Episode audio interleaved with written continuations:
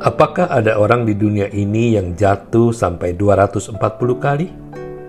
Dan orang itu tidak putus asa, tetapi tetap bangkit lagi sebanyak 240 kali?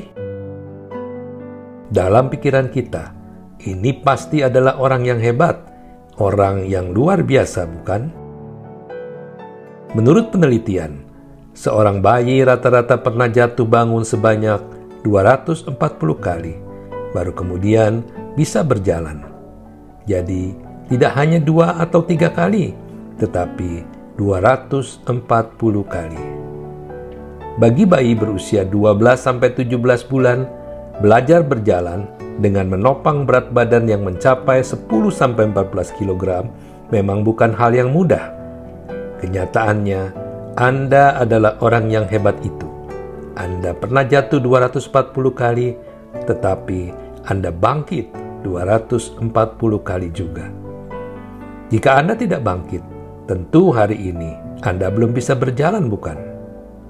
Jika dulu saat kita masih kecil punya keberanian untuk bangun dan bangkit, pertanyaannya adalah mengapa sekarang setelah dewasa dan tua kita justru takut untuk bangkit? Jangan pernah takut gagal. Jangan pernah takut jatuh. Jangan pernah takut menghadapi tantangan. Ingatlah bahwa Tuhan hanya memberikan roh keberanian, bukan roh ketakutan.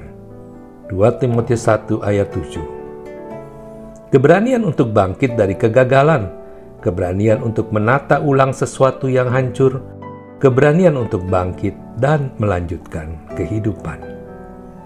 Di dalam diri kita terdapat kekuatan untuk bangkit dari kejatuhan DNA kita adalah DNA pemenang.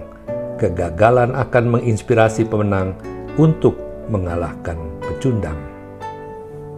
Yesaya 45 ayat 6 sampai 7 berkata, supaya orang tahu dari terbitnya matahari sampai terbenamnya bahwa tidak ada yang lain di luar aku. Akulah Tuhan dan tidak ada yang lain yang menjadikan terang dan menciptakan gelap, yang menjadikan nasib mujur dan yang menciptakan nasib malam. Akulah Tuhan yang membuat semuanya ini. Jangan takut untuk mencoba sesuatu. Jangan jadikan kegagalan sebagai alasan untuk kita maju dan berkembang. Jalanilah dengan sungguh-sungguh dan serahkan selebihnya kepada Tuhan. Soal gagal atau sukses itu terserah kepadanya. Hidup adalah pembelajaran, jangan bimbang dan ragu Belajarlah dari jalan hidup kita setiap hari, sebab kegagalan datangnya bukan dari Tuhan, melainkan dari kegalauan dan kebimbangan kita sendiri. Jika rencana kita gagal, gantilah rencana tersebut, bukan tujuannya. Jika kita tetap optimis kepada anugerah dari kasih karunia Tuhan, maka iman akan menuntun kita kepada tujuan, pencapaian, dan hasil. Hal-hal besar tidak pernah datang dari zona nyaman.